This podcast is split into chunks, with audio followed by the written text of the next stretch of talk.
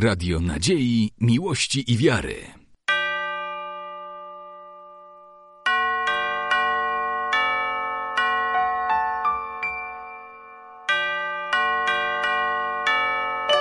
Radio Ortodoksja.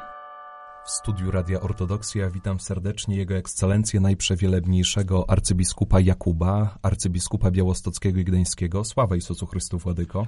Sława w wieki. Władyko, dzisiaj chcielibyśmy z Wami porozmawiać o modlitwie, o tym, dlaczego modlitwa jest taka ważna w życiu prawosławnego chrześcijanina i o tym, jak powinniśmy się modlić, bo wiemy, że niewłaściwa modlitwa może prowadzić do pewnych niebezpieczeństw. Czym jest modlitwa? Jak najprościej możemy zdefiniować to pojęcie? No, chyba na wstępie trzeba powiedzieć, że modlitwa jest jednym z najważniejszych działań, jakie może czy powinien czynić chrześcijanin w tym życiu. E, no najkrócej można powiedzieć, modlitwa jest rozmową z Bogiem. E, jeśli e, obcujemy z kimś, jeśli kogoś lubimy, no to z nim rozmawiamy. Tak też nasza codzienna modlitwa powinna być taką rozmową z Bogiem. Ale modlitwa jest też naszym duchowym pokarmem. Każdy dzień potrzebujemy e, pokarmu dla ciała, ale nasza dusza też potrzebuje pokarmu. Jest to oczywiście łaska Boża, ale tę łaskę Bożą zaskarbiamy podczas modlitwy. Władyko, co jest istotą prawdziwej modlitwy? Może przed tym, co jest istotą, to może e, skąd płynie przykład modlitwy. Modlitwę, taki przykład modlitwy płynie z Pisma Świętego i to zarówno Starego Testamentu i Nowego Testamentu. Mamy bardzo wiele przykładów modlitwy w Starym Testamencie. Ale również Nowy Testament pokazuje nam, jaka powinna być modlitwa. Przede wszystkim o potrzebie modlitwy mówi Jezus Chrystus. Jezus Chrystus sam się modli. W ten sposób daje przykład uczniom. E, Jezus Chrystus nawet na prośbę swoich uczniów uczy ich się modlić, bo przecież modlitwa Ojcze Nasz, którą tak często odmawiamy, e, to właśnie przykład modlitwy, odpowiedź na prośbę uczniów. E, więc apostołowie też się modlą i ten przykład modlitwy apostołów jest widoczny w dziejach apostolskich, kiedy właściwie nie zaczynają nic bez modlitwy, kiedy trzeba wybrać dwunastego apostoła, modlą się, kiedy trzeba wyprawić na misję apostołów, modlą się. Przed każdym dziewem modlą się, dlatego pokazują nam, że wszystko, co zaczynamy, powinniśmy rozpoczynać modlitwą i prośbą do Boga e, o to, żeby było to zgodne z Jego wolą e, i e, było właściwe, było, było dla nas pożyteczne. Jeśli chodzi skąd my mamy się uczyć, jak modlić, to trzeba powiedzieć, że jest wiele dzieł, poświęcono wiele dzieł modlitwie. Jest dużo książek, które możemy znaleźć, które mówią o modlitwie. O modlitwie pisało wiele ojców Kościoła, ascetów, mnichów. I zazwyczaj wszyscy oni mówią, w czym zawarta jest właśnie ta istota modlitwy i jak się mamy modlić. I bardzo dużo wskazówek odnośnie modlitwy zamieścił w jednym ze swoich tomików poświęconych właściwie życiu ascetycznemu, e, czy nawet życiu każdego chrześcijanina, może tak lepiej powiedzieć, święty Ignacy Bręczaninow. Dlaczego mm, ta jego książ książka, czy właściwie ten rozdział o modlitwie jest tak ważny? Święty Ignacy Bręczaninow właściwie nie pisał nic od siebie. On czytał bardzo dużo ojców Kościoła i jeśli pisał na jakiś temat, to właściwie e, przedstawiał konsensus myśli patrystycznej na dany temat. Tak moglibyśmy krótko scharakteryzować jego właściwie wszystkie e, dzieła, które mówią o życiu duchowym. I podobnie jest też e, z modlitwą. Dlaczego cenne są wskazówki ojców Kościoła, które akurat jakby wybrał święty Ignacy Bręczaninow? Dlatego, że to nie jest teoria, bo możemy znaleźć też dużo takich książek. To jest trochę takie bujanie w obłokach. A te wskazówki ojców Kościoła, e, one są oparte na praktyce modlitwy.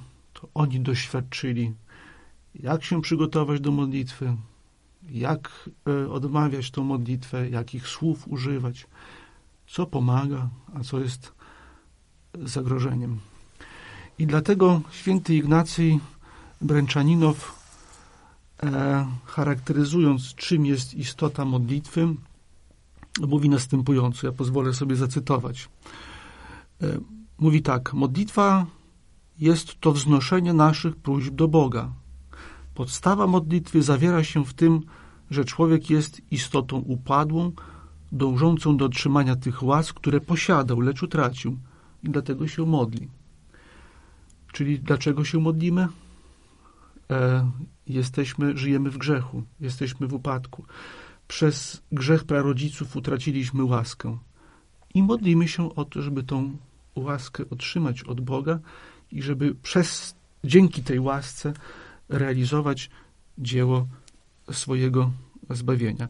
Może pozwolę sobie też zacytować y, świętego Jana Klimaka, e, Jan Leswicznik, tak, to bardziej dla nas e, znana znany e, pod tym e, użyciem terminu, lesticznik. Pisze tak. Modlitwa w swojej istocie jest rozmową i zjednoczeniem człowieka z Bogiem. Swym działaniem podtrzymuje ona cały świat. Wiedzie do pojednania ze Stwórcą.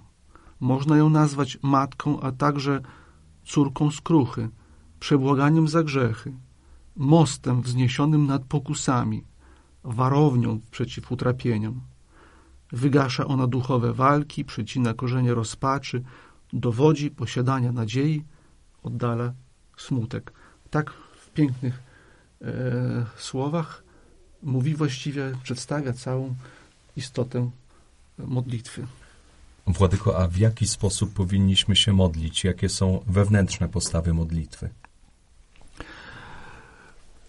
Pod tą wewnętrzną postawą oczywiście rozumiemy postawę przede wszystkim ducha człowieka.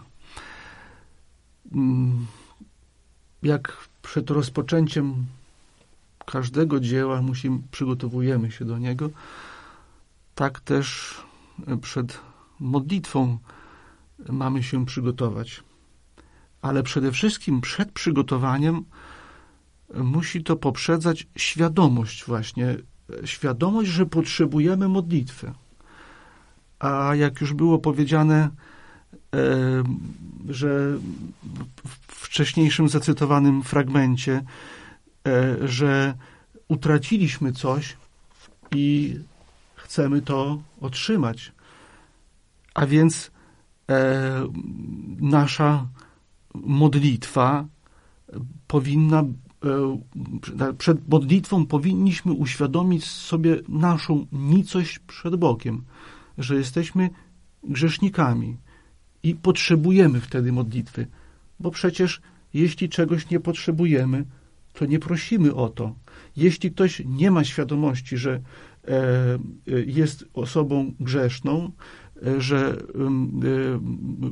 Bóg, Bóg jest istotą E, do której powinniśmy dążyć, ale przez grzech odeszliśmy od Niego, no to nie będzie miał świadomości modlitwy. I właśnie tą e, postawę naszą całą powinna poprzedzać świadomość, e, że jesteśmy grzesznikami. Świadomość nicości przed, Bo przed Bogiem. Tak na przykład dobrym przykładem jest chociażby Psalm 50.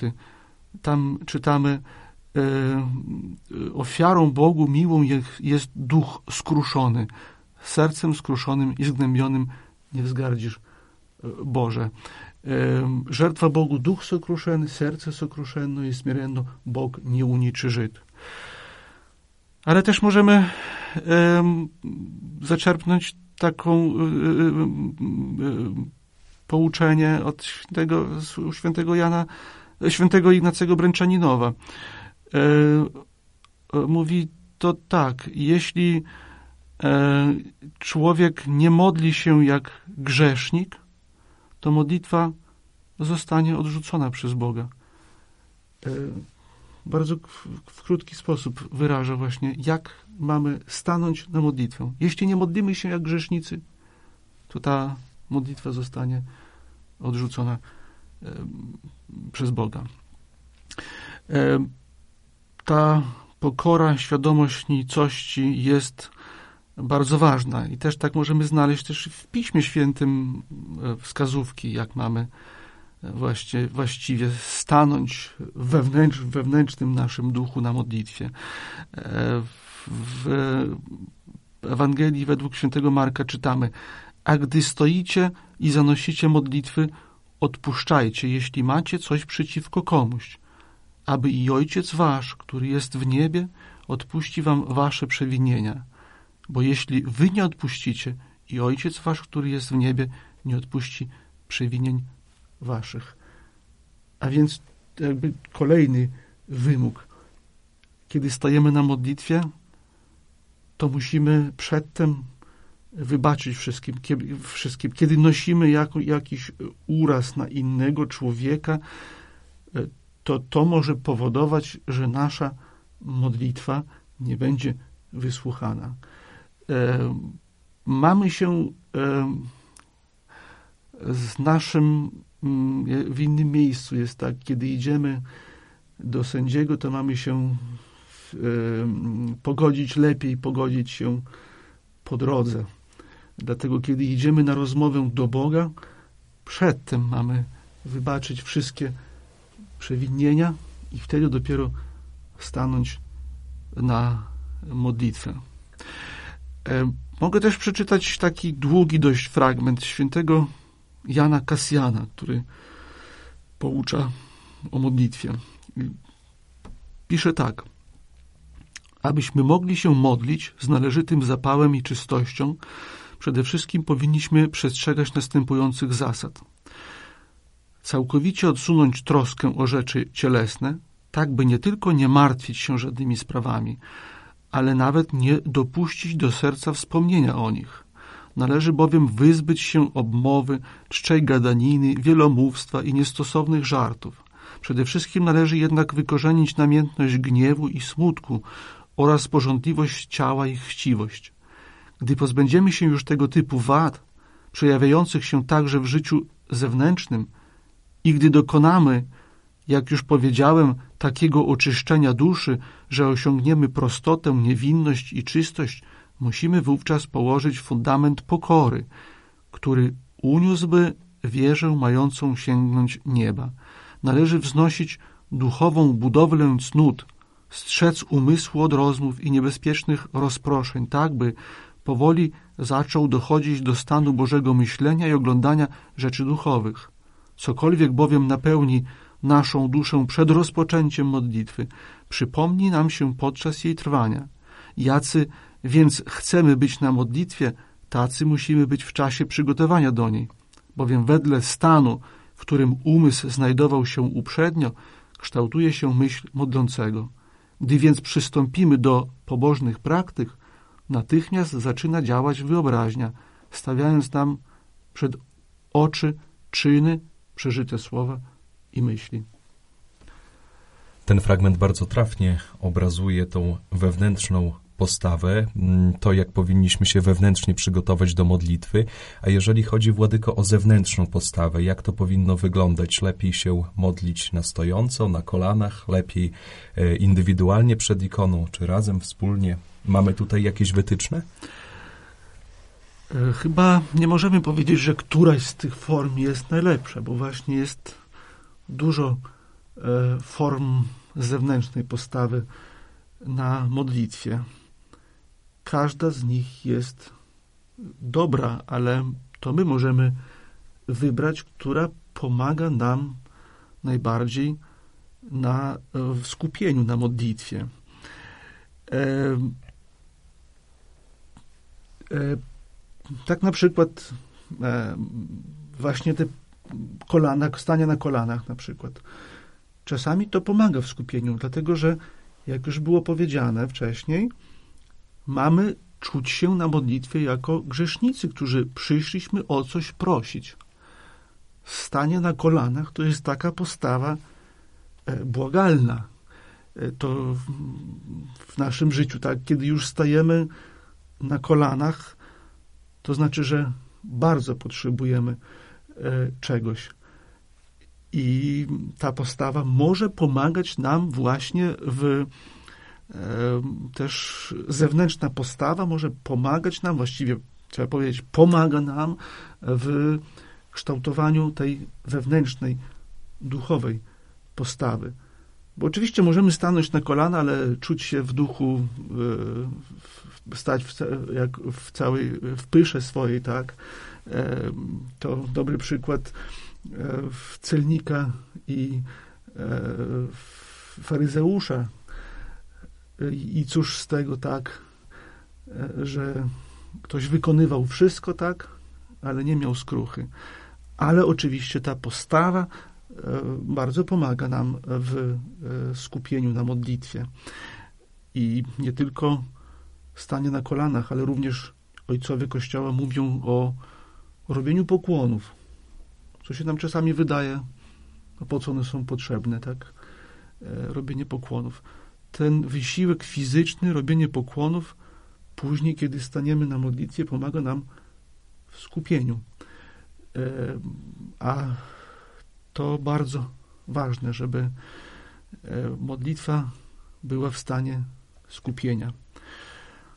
Władyko, a jeżeli chodzi o słowa modlitwy, to jakimi słowami powinniśmy się modlić? Modlitwa to rozmowa z Bogiem, ale modlitwa, do której używamy również modlitewnika, tak? No, przede wszystkim powinniśmy powiedzieć, że modlitwa to nie jest, że tak powiem kolokwialnie, odklepana regułka. Nauczyliśmy się modlitwy. Czasami nawet niektórzy nie rozumieją jej do końca. Wieczorem i rano wstają, poświęcają jakiś czas na to, żeby to wszystko E, wyrecytować lub przeczytać, a myśli mogą być w tym momencie gdzie indziej. I dlatego e, najważniejszym jest, żeby modlitwa rzeczywiście była naszą rozmową. Właściwie te modlitwy napisane są dla nas wzorem, jak mamy się modlić. One uczą, jak ma wyglądać nasza modlitwa. No bo niektórzy by prosili o takie rzeczy, które wcale nie są potrzebne do naszego zbawienia. A właśnie te zapisane modlitwy, one pokazują, o co powinniśmy się e, modlić.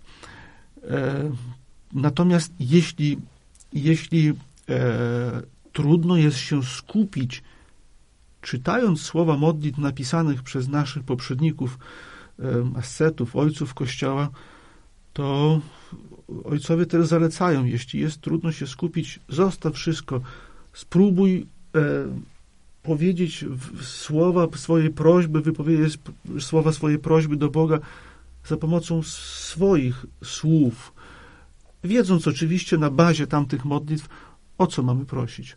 Najważniejszym jest właśnie, żeby modlitwa była skupiona wtedy, e, daje nam właściwe e, owoce. E, wtedy otrzymujemy to, o co prosimy. Ale jeśli chodzi o słowa, to e, też ojcowie mówią o tym, że to mają być bardzo proste, niewyszukane e, słowa, takie jak dzieci, które przychodzą do swoich rodziców i proszą. Oni nie tworzą jakichś pięknych, poetyckich fraz, a mówią to, co im leży na sercu. I tak powinna wyglądać nasza modlitwa. Taki bardzo e, piękny przykład e, modlitwy podaje nam święty Nikodem Hagioryta jako wzór do każdej modlitwy, jak powinniśmy się modlić, bo powinna ona zawierać kilka elementów. Wysławianie, później e, e, przedstawienie jakby siebie przed Bogiem, tak, e, że jesteśmy grzesznikami. Później jest e, podziękowanie Bogu. Później jest za, za dobrodziejstwa, które otrzymaliśmy. Później jest e, prośba i na koniec zazwyczaj znowu e, krótka fraza taka do, takiej doksologii wychwalania Boga.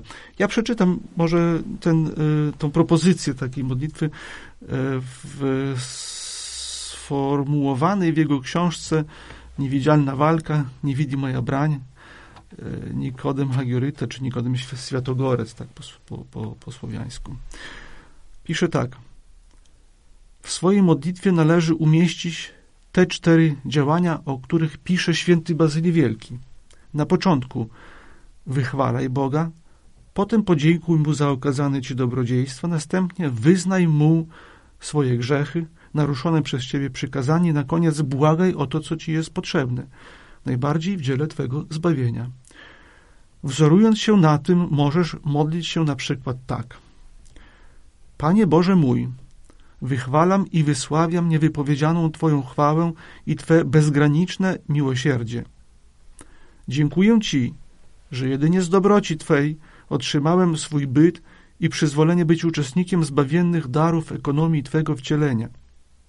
Nieraz wybawiałeś mnie nawet, kiedy o tym sam nie wiedziałem, od grożących mi nieszczęść i z rąk niewidzialnych mych wrogów. Wyznają Tobie, że bez liku deptałem swe sumienie i bez strachu naruszałem Twe przykazania, będąc niewdzięcznym tak licznym i wielkim Twym dobrodziejstwom. Lecz Boże mój, wielce miłosierny, niechaj nie przemoże dobroci Twojej moja niewdzięczność. Odrzuć moje grzechy i występki, wejrzyj na łzy mojej skruchy i według wielkiej litości Twojej pomóż mi i dzisiaj. Daj to, co potrzebne dla mego zbawienia i życie moje skieruj na czynienie przyjemnego Tobie, by również i mną grzesznym było wychwalane przynajświętsze Twe imię. Amen. To taka może być służyć jako modlitwa, ale może być wzorem dla wszystkich naszych innych modlitw. Władyko, kiedy mówimy o wzorach modlitwy, kiedy mówimy o słowach modlitwy, może się pojawić takie pytanie, czy język modlitwy ma jej znaczenie?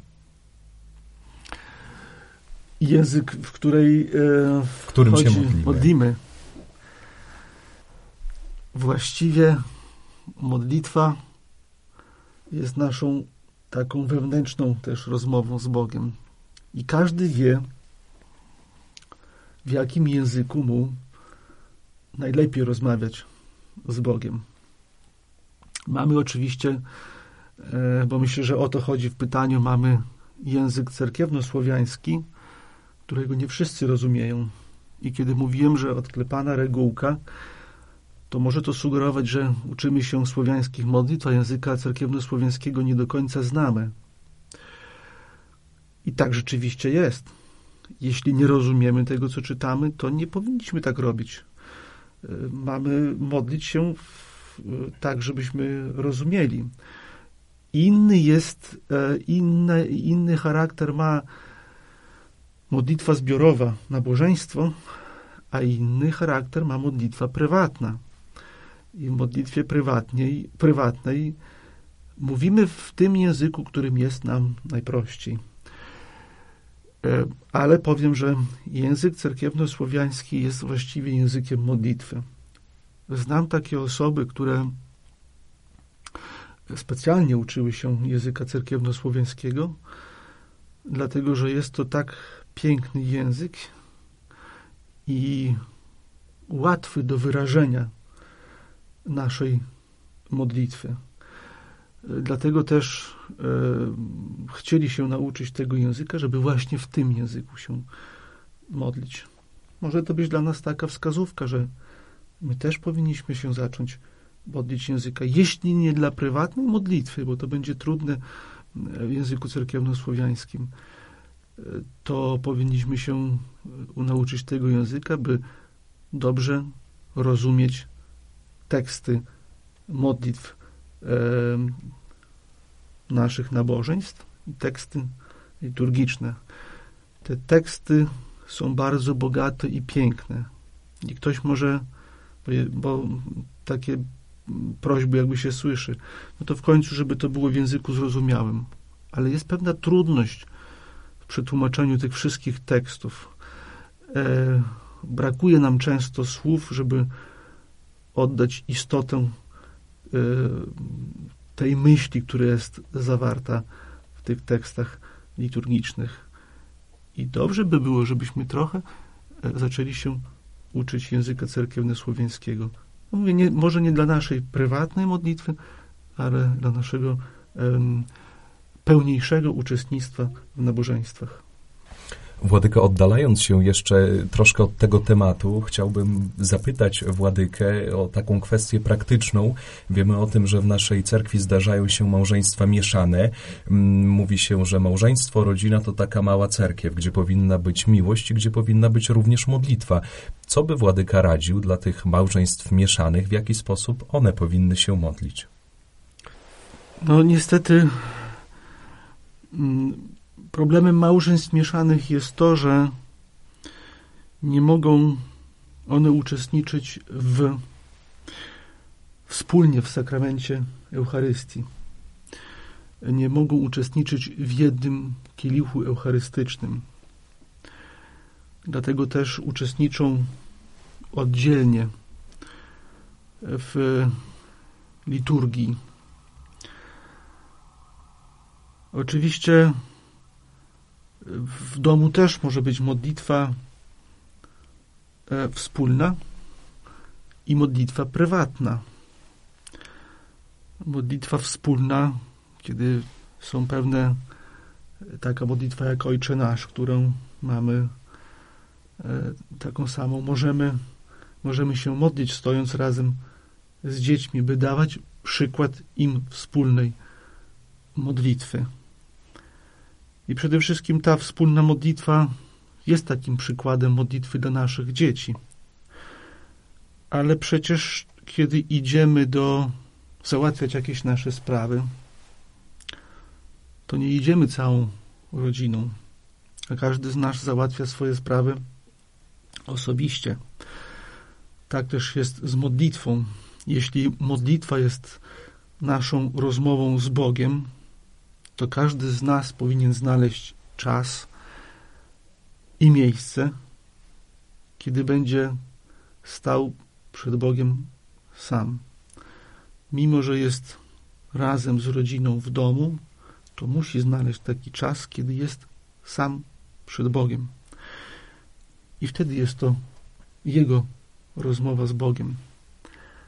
Ale modląc się wtedy, nie modli się tylko za siebie byłby wtedy egoistą, ale modli się, modli się też za wszystkich członków rodziny i za współmałżonka, i za swoje dzieci, i za wszystkich bliskich. W ten sposób pokazuje miłość do bliźniego i rozumie, czym jest małżeństwo. Władyko, chciałbym zapytać jeszcze, co warunkuje prawdziwą modlitwę, co sprawia, że modlitwa jest prawdziwa, że jest taka, jaka powinna być?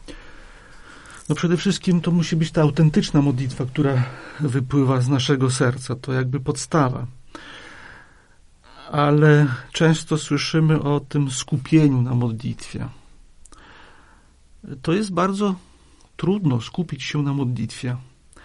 Bardzo często, kiedy chcemy się pomodlić, to zaraz coś nam przeszkadza, przychodzą jakieś myśli.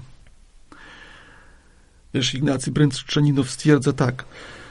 Jakość prawdziwej modlitwy polega na tym, by umysł w czasie modlitwy był skupiony, a serce jemu współczuło. Rozproszenie, brak skupienia okradają modlitwę.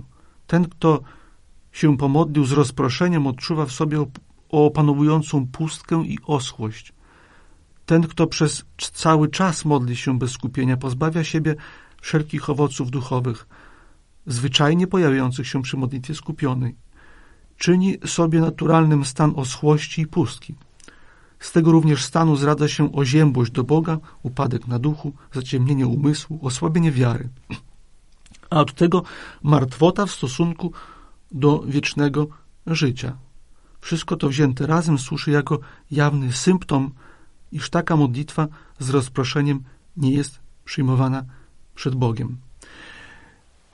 Ale trzeba powiedzieć, że ta trudność, wstępna trudność modlitwy, kiedy stoimy na modlitwie, zaczynają nam uciekać nasze myśli, e, potwierdza to, że e, modlitwa nasza jest właściwa.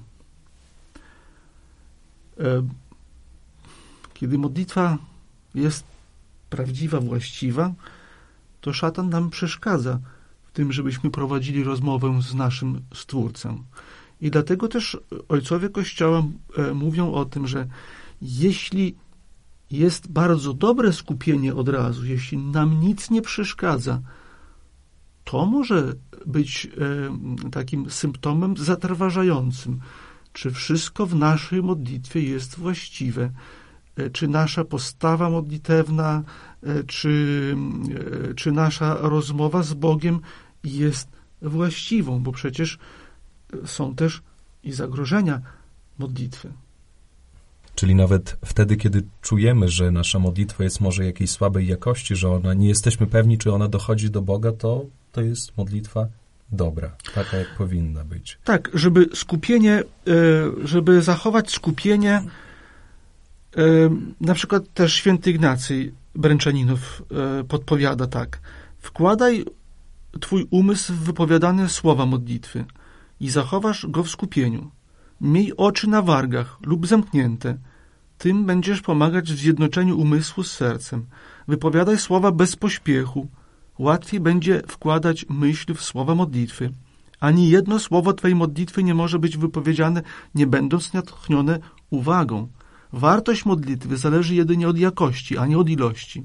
Ilość jest ważna tylko wtedy, gdy prowadzi do jakości. Jakość zawsze prowadzi do ilości. Ilość doprowadza do jakości jedynie wtedy, gdy modlący się robi to dokładnie. To tak pięknie powiązane, e, jak, jak powinniśmy pracować nad modlitwą i co jest właściwie jakby wskaźnikiem tej naszej prawdziwej, odpowiedniej modlitwy.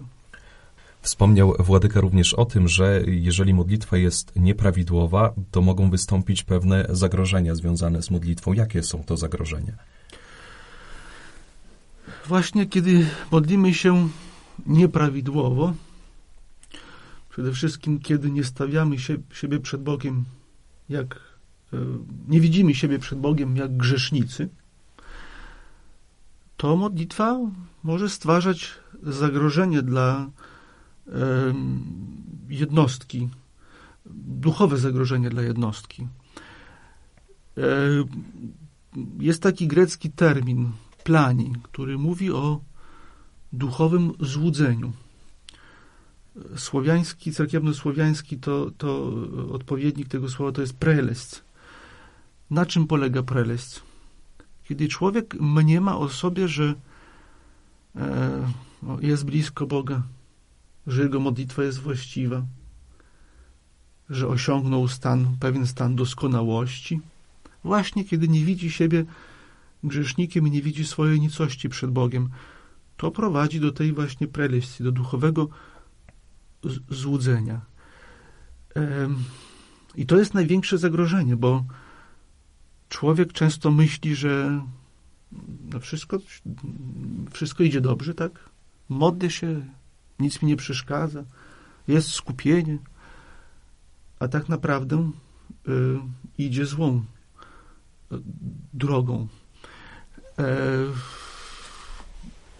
zawsze modlitwa powinna y, prowadzić do pokory. Natomiast jeśli, jeśli modlitwa nie prowadzi do pokory, to znaczy, że jest niewłaściwie budowana. Przede wszystkim e, to wschodni ojcowie Kościoła ciągle ostrzegają przed tym, że nie można stosować zmysłów podczas modlitwy, nie można sobie wyobrażać czegoś przed naszymi oczyma. To, że coś widzimy, niektórzy mówią, że czują zapach, czy coś widzą. Nie, to jest właśnie symptom tej prelesji, tego duchowego złudzenia. Mamy dużo takich przykładów u ojców Kościoła, kiedy, kiedy niektórzy czynili nawet cuda, myśląc, że to jest, e, że tak powiem, uzyskany przed nich, e, czy świadectwo uzyskanego prze, przez nich stanu doskonałości duchowej, a wręcz przeciwnie, było to duchowe złudzenie. Szatan wtedy rzeczywiście e, pogrąża tego człowieka coraz bardziej w pysze, e, w tym zakłamaniu wewnętrznym, kiedy jest to bardzo dobre słowo złudzenie. Człowiek widzi coś, czego w rzeczywistości nie ma. I dlatego ojcowie e, Kościoła przestrzegają przed takim stanem i, i mówią o tym, że właśnie nie powinniśmy włączać naszych zmysłów e, podczas modlitwy. I tak e, znowuż pozwolę sobie zacytować świętego Ignacego Bręczaninowa. Mówi w ten sposób. Umysł stojący na modlitwie przed niewidzialnym Bogiem powinien być niewidzialny, jak obraz niewidzialnej boskości. To znaczy nie powinniśmy wyobrażać sobie ani z siebie, ani przed sobą żadnej zjawy, postaci. Umysł powinien być obcy wszelkim zmysłowym wyobrażeniom, na ile by nawet to wyobrażenie wydawało się nieskalanym i świętym. Władyko, ja pamiętam taką historię jeszcze z czasów studiów, którą Władyka opowiadał. Historia dotycząca prelestii. Może Władyka pamięta, chciałby naszym słuchaczom jeszcze to przypomnieć. Historia dotyczyła e, starca i posłusznika, który przyjechał i posłusznik zaczął tak się modlić, że zaczął się A unosić. to troszkę było inaczej. inaczej. To właśnie to też jest u Ignacego Bręczaninowa, kiedy przyjechał jeden mnich z góry Atos, który poprosił żeby wspólnie e, z Ignacym się pomodlić. Ignacy wtedy był e, bodajże przeorem klasztoru, bądź już biskupem, nie, nie, nie, nie wiem dokładnie. W każdym bądź razie ta, ta prośba o wspólną modlitwę już mogła sugerować, że coś jest niewłaściwie z pojmowaniem modlitwy. I Ignacy Bręczaninow mówi, że kiedy stanął z nim razem na modlitwie, to zobaczył, że on się uniósł nad ziemią i że czuje od niego jakieś szczególne promieniowanie ciepła. E, I kiedy zakończyli tą, nazwijmy, modlitwę, tak, to Ignacy Bręczaninow właśnie jakby zauważył, że to może być stan duchowego złudzenia i powiedział mu, że te zewnętrzne wszystkie objawy e, e, właściwie no, błędne objawy modlitwy e, to może być efekt duchowego złudzenia. I przede wszystkim e, powiedział mu, że o tej wstępnej też trudności, e, czy łatwo mu się modlić. Powiedział mu, że bardzo mało śpi w nocy, że nie ma, nie ma trudności, nie chce mu się spać. Kiedy staje na modlitwę, to cały czas w takim stanie takiej euforii e, stoi na modlitwie. I wtedy Ignacy Bręczanino mu wskazał, jaka powinna być właściwa modlitwa. E, że e, ten, który się zbliża do Boga, widzi coraz więcej swoich niedoskonałości i grzechów to jest właściwy symptom przybliżania się do Boga. Widzimy coraz bardziej swoją niedoskonałość. I po tym ten, bo Ignacy Bręczaninow miał jednak autorytet, kiedy rzeczywiście e, ten, e, ten mnich zastosował się do wskazówek świętego Ignacego Bręczaninowa, powiedział, że mu w ogóle jest trudno się skupić i chce mu się cały czas spać to przykłady, tych przykładów ojców Kościoła duchowego złudzenia jest bardzo dużo. Może y, właśnie pewnym problemem jest, że obecnie y, mało jest czytanych pism ojców Kościoła, mało tej literatury duchowej i nie wszyscy wiedzą o tym, że modlitwa może też, też nieść w sobie zagrożenie dla życia duchowego. Pamiętając o tych zagrożeniach, y, w takim razie jakie powinny być owoce prawdziwej modlitwy, prawidłowej modlitwy? Czy możemy mówić o jakichś owocach i czy powinniśmy się tych owoców spodziewać? Tymi owocami modlitwy jest przede wszystkim taka mm, cicha wewnętrzna radość, pokora, miłość do bliźnich i jak mówią też e, ojcowie Kościoła, w tym miłość do naszych wrogów. Jeśli takich efektów naszej modlitwy nie ma, to powinniśmy pracować dalej nad tym, żeby one były. E, nie można teoretycznie, teoretycznie przekazać komuś, jak ma modlitwa wyglądać i od razu człowiek będzie właściwie się modlił. Modlitwy właściwie się uczymy całe życie, co nam pomaga bardziej w skupieniu, co nam przeszkadza w modlitwie, ale też powinniśmy właśnie wewnętrznie odczuwać e, to, co jest pewnym symptomem właściwej modlitwy. Przede wszystkim pokora, świadomość swojej nicości przed Bogiem i miłość do bliźnich. To są prawdziwe, e, może tak, właściwe symptomy prawdziwej modlitwy.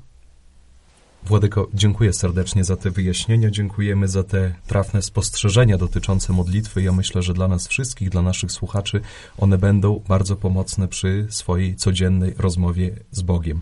Dla naszych słuchaczy przypominam, że gościem Radia Ortodoksja był Jego Ekscelencja Najprzewielebniejszy arcybiskup Jakub, arcybiskup białostocko-gdański, a rozmawialiśmy o modlitwie. Dziękuję serdecznie, Władyko. Dziękuję serdecznie. Radio Nadziei, Miłości i Wiary.